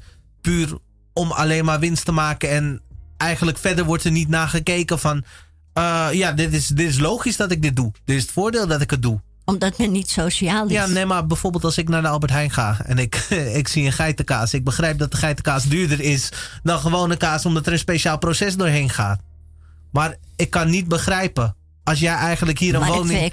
Geiten dan. Ja, als je, als, je, als je hier een woning neemt die voor 20 miljoen eh, wordt doorverkocht, in principe. Dan kun jij mij niet uitleggen dat dit eigenlijk een paar jaar geleden was, was er nog een plek waar niemand wou wonen, waar allemaal junkies zaten en dergelijke. Dan kun je niet aan mij verkopen dat dat ineens zoveel waard is. Maar dat is kapitaal, hè? Ja. Want, want, want we hebben, want ik ben het helemaal met je eens, eh 9G, eh, die, eh, die net sprak. Want ik ben het helemaal met je eens. Het, het- maar het, het schema van vraag en aanbod Ja. op de woonmarkt werkt helemaal niet. Nee. Is helemaal, is helemaal niet waar. Want er wordt ontzettend veel kapitaal in die woonmarkt tussen aanhalingstekens Wonen is gepompt. te belangrijk voor, voor dit Het is soort van poen. mechanismes. Ja, het is poen. En het is niet vraag en aanbod. We hebben zoveel woningen. We hebben iets meer vraag. Dan bouwen we wat bij. Dan komt het goed. Nee. Want eh, de banken investeren gigantisch in, in, eh, eh, in, in eh, hypotheek, hen. Een prachtige manier om geld te verdienen. Het is relatief veilig. Ook weer een het bubbel, fout maar gaat- daar gaan we niet over. ook weer een bubbel. Hè? En als het fout gaat, dan heb ik de woning als onderpand. Het is hartstikke veilig. Dus banken zijn enorm gaan investeren al sinds de jaren 90. Omdat de overheid het af liet weten, gingen de banken investeren. Nu komen de beleggers erbij. Grote beleggers, maar ook heel veel kleine beleggers. De bank, eh, je haalt bijna geen rente meer met je geld Nee, op de dat- bank. dat dus dan ga je zoeken hè, naar waar ga je. Ja, hey, waar wonen? Hey, een aardige winstrendement. Ik koop een pandje op en ik verhuur het voor de topprijs. En dan krijg ik opeens 5 of 6 procent rente. Of 4, 5, 6 procent rente. Ja, dan, allemaal kapitaal wat op die woonmarkt tussen aanhalingstekens terechtkomt. Met als gevolg dat we zien dat de bizarre... eh, en, en, dat, en dat is precies wat 9G zegt. Ja.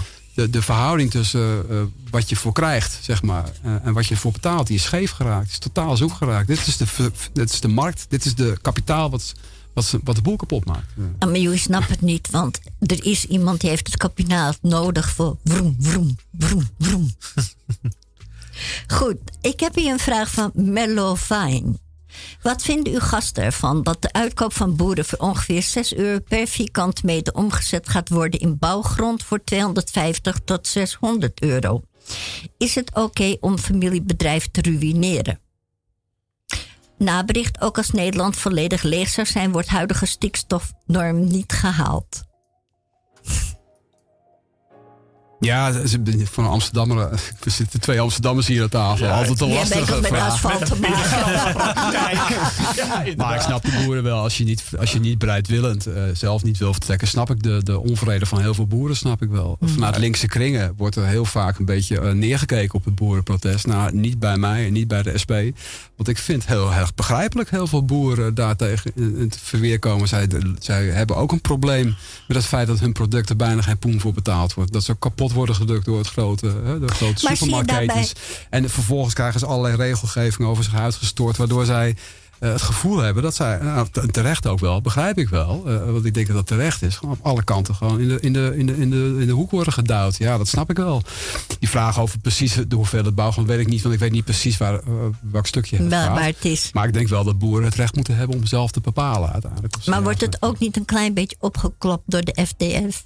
Farmers Defence Force. Ja, maar, Kom je daarbij? Ja, maar, maar, maar het probleem is aan die Farmer Defense Force, hè, die FDF, is dat zij totale scheve schaats rijden. Zij schieten volledig uit de bocht. Waardoor ik denk dat ze voor een flink deel de, de, hun achterban en de draagvlak kwijtraken voor boeren. Maar een groot deel van de boeren, eh, ik denk 80% zo'n beetje, en dat zie je ook vaak in allerlei en- enquêtes en onderzoekjes terug, zijn veel redelijker en komen met dingen als: ja, ik moest voor de derde keer mijn boel aanpassen in mijn boerenbedrijf. Dat heb ik gedaan. Daar heb ik heel veel in geïnvesteerd. En, en binnen een jaar krijg ik weer een nieuwe regel waarbij mijn investering opeens niet meer geldig is. Want ik moet een nieuwe milieuwetgeving weer een investering doen. Dus die, die worstelen met enerzijds weinig geld voor hun producten. En anderzijds voortdurend door, door, door regels, door wetten, voortdurend verandering vanuit de overheid. Dat dat leidt tot irritatie. En dat zij trots hebben. Wij zijn wel degene die voor jullie wel het maar eten maken. Dat snap ik heel goed. En daar heb, daar heb ik ook volle niet respect voor voor. 100 procent, hè? Want er gaat een heleboel van naar het buitenland. Nee, eens. Maar ze maken wel het eten, toch? Ik bedoel, ik kan het niet maken. Dus ik ben hartstikke blij dat er een boer is die zorgt dat ik aardappeltjes op mijn bord heb. Om het zo simpel te stellen. Oké. En ik heb, ik heb daar wel respect voor. Alleen die Farmer Defense voor, dat vliegt volledig uit de bocht. Ja, dat ben je ook volledig Nou, kwijt. we hebben heel veel respect hier voor de biofarm. Eens? Ja? Oké. Maar we gaan weer even terug naar Amsterdam, naar de vorige vraag. Dan we're back. Dat is waarom in huurdersorganisaties persoonlijk gewin zo vaak toch belangrijker zijn dan het doel waar ze voor zeggen te staan. Waarom is voor hun geld belangrijk? Ja, het is een hele makkelijke vraag volgens Oh, mij. is dat zo? Ja, ik, ik heb nooit zo gemerkt dat het zo is hoor. Nee, het is wel eens fout gegaan bij huurders. bij- eh, ook in Ja. Amsterdam Ja. wel eens. Ja, dat Dan, zijn... dan kan je niet de algemene conclusie Nee, uit. dat dat is alleen voor het geld. gaat. Dat denk ik ook. Dat is nou iets zou- sterk. Exact. Daar ben ik met Peter eens. Ik zou dat niet eh, voor mijn rekening durven. Nee, absoluut niet. Dan gaan we naar een ander die dat wel volgens mij doet. Investeerde Blackstone, die volgens de Verenigde Naties de mensenrechten van huurders aantast, heeft voor honderden miljoenen huis gekocht in Amsterdam en Rotterdam. Erik Flentge hierover op AT5. Flentge gelooft niet dat de Amerikaanse firma moeite gaat doen om de huren in toom te houden. Als zij iets voor de huurmarkt wil betekenen, kunnen ze de huren laag houden. Maar een durfkapitalist zoekt maximale winst. Daar moeten we niet naïef over zijn. Mijn vraag: wat kan de overheid voor maatregelen nemen om dit tegen te gaan en is het überhaupt tegen te gaan? Ja, je, je, kunt, voor, je kunt van alles doen. Dit is wel het niveau van wetgeving, van wetten. Ja. Uh, in Amsterdam is het lastiger om het tegen te houden. Je kan wel een woonplicht instellen. Hè? Dat, dat doen we nu Ja. in Amsterdam. Ja, dat zou erg nuttig zijn. Ja, Ja, dus dat, dat- ook gehandhaafd Dat het ook gehandhaafd Ja. wordt. Dus dat kan je, zegt, even uitleggen voor de luisteraar Nou ja, als je- woonplicht? Als je een huis eh, eh, opkoopt, dan moet je er ook in gaan wonen. Ja. En je dochter mag er bijvoorbeeld in wonen, dat nog, wel. Dat nog wel. Dus het Ja. is nog wel voor, hè, eerst voor de bloedlijn noemen ze dat dan. Hè. Mag je gewoon eventueel voor je dochter kopen. Daar kun je ook van alles van vinden hoor, overigens. Maar dat is niet, dat is niet het grote probleem. Het grote probleem zit natuurlijk bij die grote eh, kapitalistische bedrijven, bij die beleggers. Ja, hè, in dit eh, geval die Blackstone. buiten. Ja. En, die vallen, en die kopen dan op. Ja, die, die zorgen, die gaan het voor de, voor de vette hoofdprijs verhuren. Dat zie je ook in de cijfers terug. Het aantal koopappartementen, dat is grappig hè. De SP eh, gaat nu iets zeggen over het aantal koopappartementen wat in Amsterdam verdwijnt, minder wordt. Daarvoor komt particuliere verhuur terug. Dat stijgt enorm sterk. Dat zie je in de laatste cijfers van wonen in Amsterdam terug. Eh, maar het zijn nog hele dure huren. Ja. Zitten vooral, wij, en we hebben geen dure huren nodig. We hebben betaalbare huren nodig. Laag of middenhuren nodig. Dat Of is zelfs waar we heel veel behoefte aan hebben. woningen die je kan kopen met een bepaald inkomen. Ja, of, eh, maar, die markt, dat is al volledig dat verdampt. is hè. dood al. Dat is ja. bijna dood. Dus een percentage van, van nou, een paar, echt een paar procent nog wat betaalbare woningen. Die onder de twee ton zitten. Maar dat, is, dat verdampt binnen no Onder de twee ton Ja, nog? dat bestaat nog, maar ja, dan heb je een kamer of zo. Dan heb je een klein huisje, niet op een leuke plek meer. In een wijk die minder aantrekkelijk wordt gezien. En dan kan het nog. Dan kan het nog net. Maar zelfs dat is al eh, gemiddelde wo- woonprijs, eh, huisprijs gigantisch. Maar veel van die beleggers kopen op. En Blackstone, wat zij doen, en dat is echt smerig. En daardoor worden ze ook aan alle kanten bekritiseerd. Zij kopen op en zijn vanaf dat moment eigenlijk alleen maar bezig om de bestaande huurders uit te roken. Hmm. Geen achterstallig onderhoud, intimidaties, dat maakt ze niet uit. Er wordt geen middel geschuwd om vervolgens, als die huurder eruit trekt, wanhopig gemaakt door de verhuurder, hem tegen de topprijs te verhuren. Voor, voor drie, voor vier, voor vijfduizend. Het Dus het is huurdertje Het pest om eruit te krijgen. ja, uiteindelijk om, om, om je zakken te vullen. En daar zit, eh, nou ja, kijk, kijk er is laatst een film over geweest van die VN-rapporteur, die er ook de strijd tegen aangebonden heeft. Ze is een film heeft ze erover gemaakt. En daar heeft ze het over Blackstone bij naam en toenaam. En dat is niet alleen in Amsterdam een probleem. Dat is Barcelona een probleem. Dat is in eh, Zuid-Amerika, in Buenos Aires een probleem. Dat is over de hele wereld zijn dit soort grote... Rome ook, Italië, Venetië en zo. Ja, dat is een groot probleem. Ja. Heb jij er al mee te maken gehad, Mm. Peter? Dat grote bedrijven mensen uit hun huis wilden hebben? Nou ja, kijk. Wat, ik kom natuurlijk veel achterstallig onderhoud tegen. Ja. En dan de redenen dat het niet hersteld wordt, ja, die zijn nooit zo heel duidelijk. Het is natuurlijk ook altijd duur en dat is op zichzelf altijd een reden. Maar ja, het zou natuurlijk best kunnen hoor dat ze er gewoon geen, überhaupt geen geld aan willen uitgeven. Omdat ze die huurder weg willen hebben, omdat hij nog op een sociale huurwoning zit. Nou, Ze laten ze moedwillig verkrotten. Ja, dat zou best kunnen. Maar dat, dat, ik, dat weet ik nooit zeker. Maar dat is wel- Nee, dat kijk, is het je kan die bewijzen. Dat is het verhaal van de VN, hè, zegt dat. Ja? Dus het is niet alleen maar Erik Vlenter van de SP meer die dat zegt. Het is ook de VN die dat zegt. Dat ze Ja. moedwillig ook bezig zijn om huurders eh, eruit, te, nou, ze zeggen niet uitroken, maar eh, wel proberen eruit te krijgen. Omdat het leidt tot winstmaximalisatie. Overigens doen, Maar, maar uit, uitkoopsommen komen ook betrekkelijk veel voor. En dan gaat het dus niet, eh, echt, echt, dan gaat het niet om het uitroken van huurders, maar dan gaan de huurders vrijwillig weg tegen 50, 60.000 of zo, 70.000. Ja, eh, vind ik ook niet heel wenselijk overigens. Want ik denk dat soms mensen met een financieel probleem maar al te Dat graag aanpakken, ja. aanpakken. Ja. En vervolgens komen ze in een veel te duur appartement terecht. En binnen een paar jaar is je geld verdampt. Ja, hè? Dan nee, zit ja, je- nee, als, als, als ik daarbij ben, doen we dat altijd heel verstandig. Ja, niet doen, precies. Appel naar Peter, heel goed. Dus laat je informeren. Nou, ik ben niet tegen Ja. uitkoopsommen, maar, eh, maar eh, zeker niet omdat er eh, meestal nog een hoop meer aan de hand is. Maar, eh, maar je moet wel een ander huis hebben. Ja. Want onder geld kun je niet wonen. Nee. Ja, nee, dat heb ik, zeg ik regelmatig tegen Exact, want die fastfoodhufters, Nou ja. die kopen Nou, ook mensen uit om vervolgens zag- op Airbnb te zetten. Ik zag, een, ik zag een mooie parkeergarage voor 450 euro. Dus eh, Ja. Nou, maar dat zeg je nou. hè. En het spijt me, ik moet even terug in mijn eigen eh, geheugen gaan. Ik woonde in een huurwoning. En die huurwoning die is verkrot, moedwillig verkrot door de verhuurder. En waarom weet ik dat moedwillig gedaan is? Omdat ik een heleboel jaren achter een broek aan heb gezeten om dat te laten maken. Ik had champignons in de vensterbanken, nou dan is het wel erg. De badkamer is het stro naar beneden gekomen met het dak en dan ging het water langs het lampje. Wij moesten die woning uit. En die woning die is voor 450.000 euro verkocht na een renovatie. Nou, en dan kan je wel zeggen, het is moeilijk te bewijzen. Maar voor mij is dit gewoon een gevalletje geweest van... ik heb de boel laten verkrotten en dan gaan ze er wel uit, klaar. En, en dat doet Blackstone? Maar dat doet ook Rapange, hè? Rapaille doet het ook. En hè? dit was een woningbouwcorporatie, Kijk, nog erger. Nog erger. Ja, nog, Nog erger. Want erger. De corporaties doen het helaas ook. Hè? Het is helemaal natuurlijk echt van, van God los, maar goed. Eh, nee, maar ik, ook rap, Rapaille of Adelbrecht die ik meldde. Die Martine, waar we het eerder over hadden. Met Ja. enorme schimmel. En dat ze een tijdelijke woning heeft. Dat het water langs het peertje ook naar beneden loopt. Een beetje wat jij dan ook ja. zegt. Daarom heb ik het ook zo gelezen. Want ik denk, ja, ik ken dit. Is... En ik denk dat, dat er een doel achter zit. Ik weet bij de Kramatweg, waar we met de bewoners actie hebben gevoerd. De SP1-bewoners samen om die lode leidingen vervangen te krijgen. Dat hebben we gewonnen. Maar er zit heel veel achterstallig onderhoud in die panden. Het liefst zou ik gelijk doorgaan eh, met ze. Ja. Ik moet ze eventjes nog eh erop krijgen dat we nog een stap verder gaan. Want ik denk, zij zijn doelbewust bezig om die sociale huurders eh, eruit te, Dat merk je aan alles. Ze laten het echt ze laten het volledig gaan. Verrotten. En op het moment dat een woning daarnaast geliberaliseerd wordt, zie je dat de voordeur vervangen wordt. Zie je ook letterlijk hè, aan de voordeur. Die zijn opeens heel mooi. Dus de liber- geliberaliseerde woning is heel mooi. En de sociale woning is de voordeur helemaal afgebladderd en smerig. En, en de ramen zie je het. En dat, is een, dat is een teken. Hè. Dat, is een, dat is alleen al dat is een soort fysiek teken. Dat, er, ja, dat je niet investeert in sociale huurwoningen. En op het moment dat het geliberaliseerd wordt, hoppa, opeens gaan we lekker verbouwen. En een mooi prachtig appartementje Ja, maken. wordt Ja, het is schandalig. Echt, eh, dat is het grote geld. Eh, Dat is ja, het verdienmodel. En Peter, heb jij er nou veel mee te maken dat mensen bij jou komen en die zeggen van eh, ik wil wat aan mijn woning gedaan hebben, maar ik krijg het niet voor elkaar. Eh, ja, maar dan. Ja, nee, zeker. Zeker. Achterstallig onderhoud komt eh, betrekkelijk veel voor. En ook pesten door de verhuurder. Eh, zo, zo kan je dat interpreteren. Ik- Kijk, Ja, ik, maar ik dat- lichamelijk ook, hè? Ja, maar ik ben daar wel altijd wat. Ik, ik zal niet zo snel zulke conclusies trekken, omdat het ook erg duur is. Hmm. En als mensen dan een sociale huur betalen, dat die verhuurder daar niet zo'n zin in heeft, kan ik me ook nog wel iets bij voorstellen.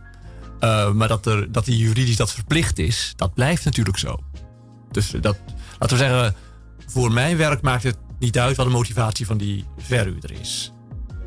Maar als hij de huurder graag weg wil hebben, ja, dan moet hij daar natuurlijk gewoon een voorstel een keertje voor doen. Of eh, zoiets. Maar het, eh, ja, het, het is natuurlijk moeilijk om. Of ja, niet. Het is moeilijk om met juridische middelen. van die beschimmelde woningen die zo heel vochtig zijn.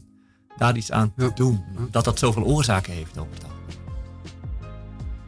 En dan. En je moet een. eh, nou ja, ik, ik, ik, ik doe alleen niet met een bouwkundige. Er moet een bouwkundige bijkomen die duidelijk aangeeft. wat de oorzaken zijn van de vochtoverlast. En En, dan, hoe dat hersteld kan ja. Ja.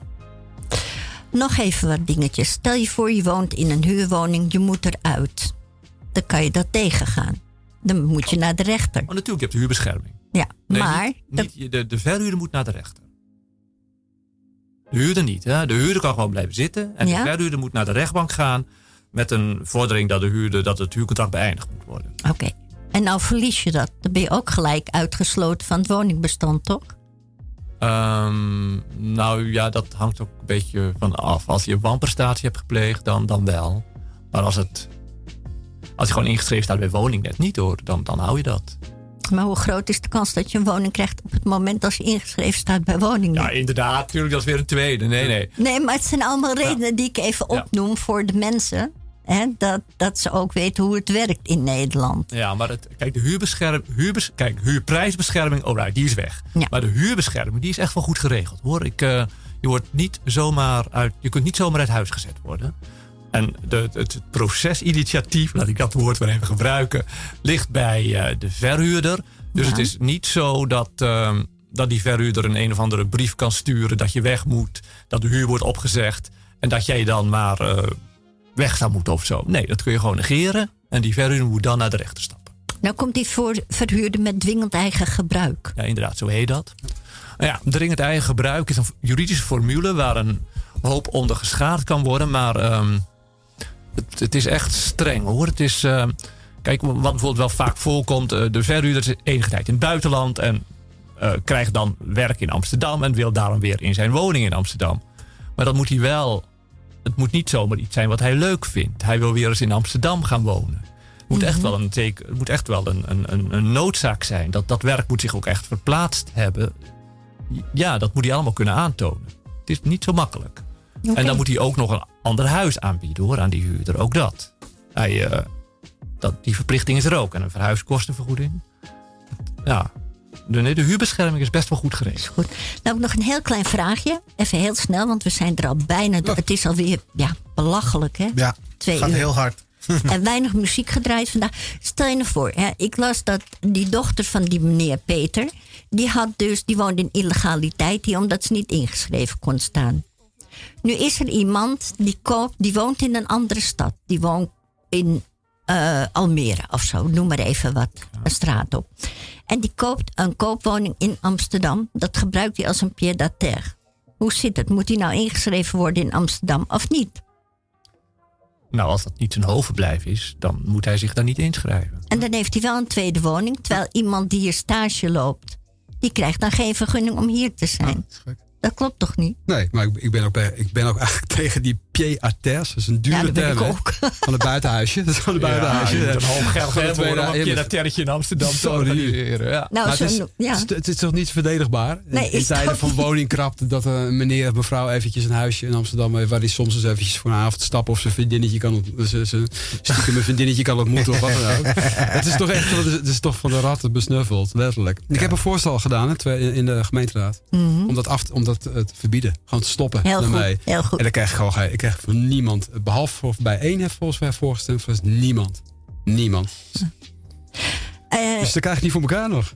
eh, jammer, want dit is echt een geval uit de realiteit wat ik heb meegemaakt. Ja. En nog erger, meneer die had dus met zijn vrouw een hele riante woning buiten. Kocht hij een pied-à-terre om naar de opera af en toe te gaan naar het theater. Ja, dan heeft hij heel veel geld. Toen kwamen de dochters hier in dat huis wonen. En toen zei een van die dochters tegen mij: Wat is de buurt erop vooruit gegaan hè, sinds wij hier wonen? Ik heb nog net de deur kort niet gepakt, maar goed. Ja.